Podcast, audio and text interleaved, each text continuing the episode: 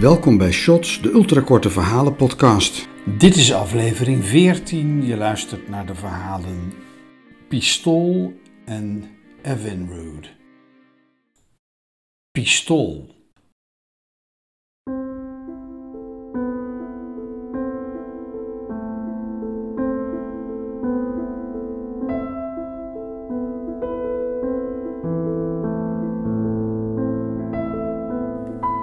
Meisje, haal dat pistool uit je mond, zei de man. Een magere versie van zijn vroegere zelf, de middernachtsdroom van klasgenootjes.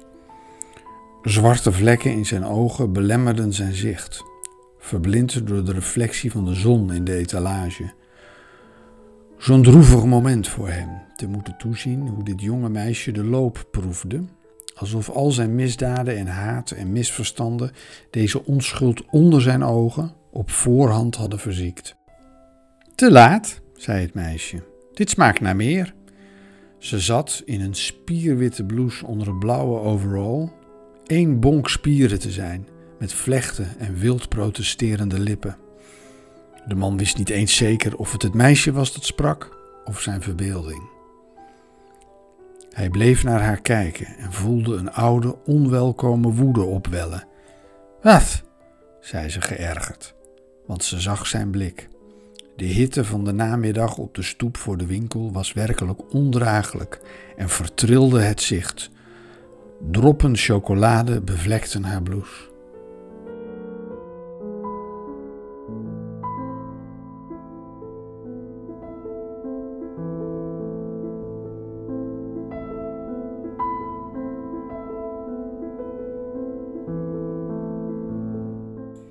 Evinrude.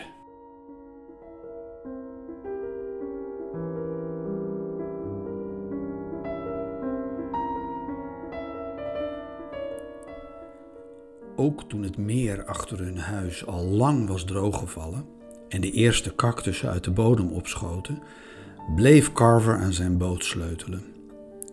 Lillian observeerde hem soms vanuit de keuken hoe hij de jaren eerder op een gazon gesleepte sloep politoerde, het tiekhouten dek voor de zoveelste keer lakte, de canvasoverkapping invette en de buitenboordmotor openschroefde, oliede en weer in elkaar zette en soms liet brullen.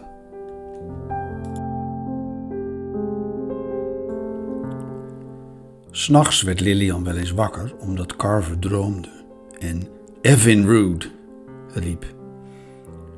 Ze dacht dat het een meisjesnaam was en werd achterdochtig naarmate het vaker gebeurde, wat hun isolement verergerde.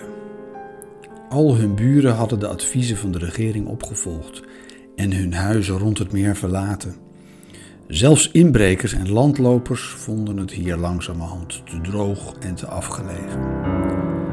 Af en toe reisde Carver naar de stad voor wat proviand en brandstof en bleef dan, naar Lilians mening, best lang weg.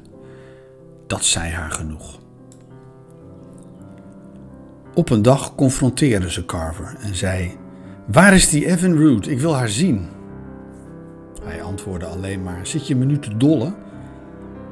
Dat vond Lilian niet leuk en de verwijdering tussen hen zette door. Tot Carver het beu was en zijn bootje het meer opsleepte, een spoor door het zand naar het midden achterlatend en zich daar in de kajuit terugtrok. Maar alleen in de weekenden. Door de week was het hard werken op een boerderij in deze lange, lange jaren van droogte.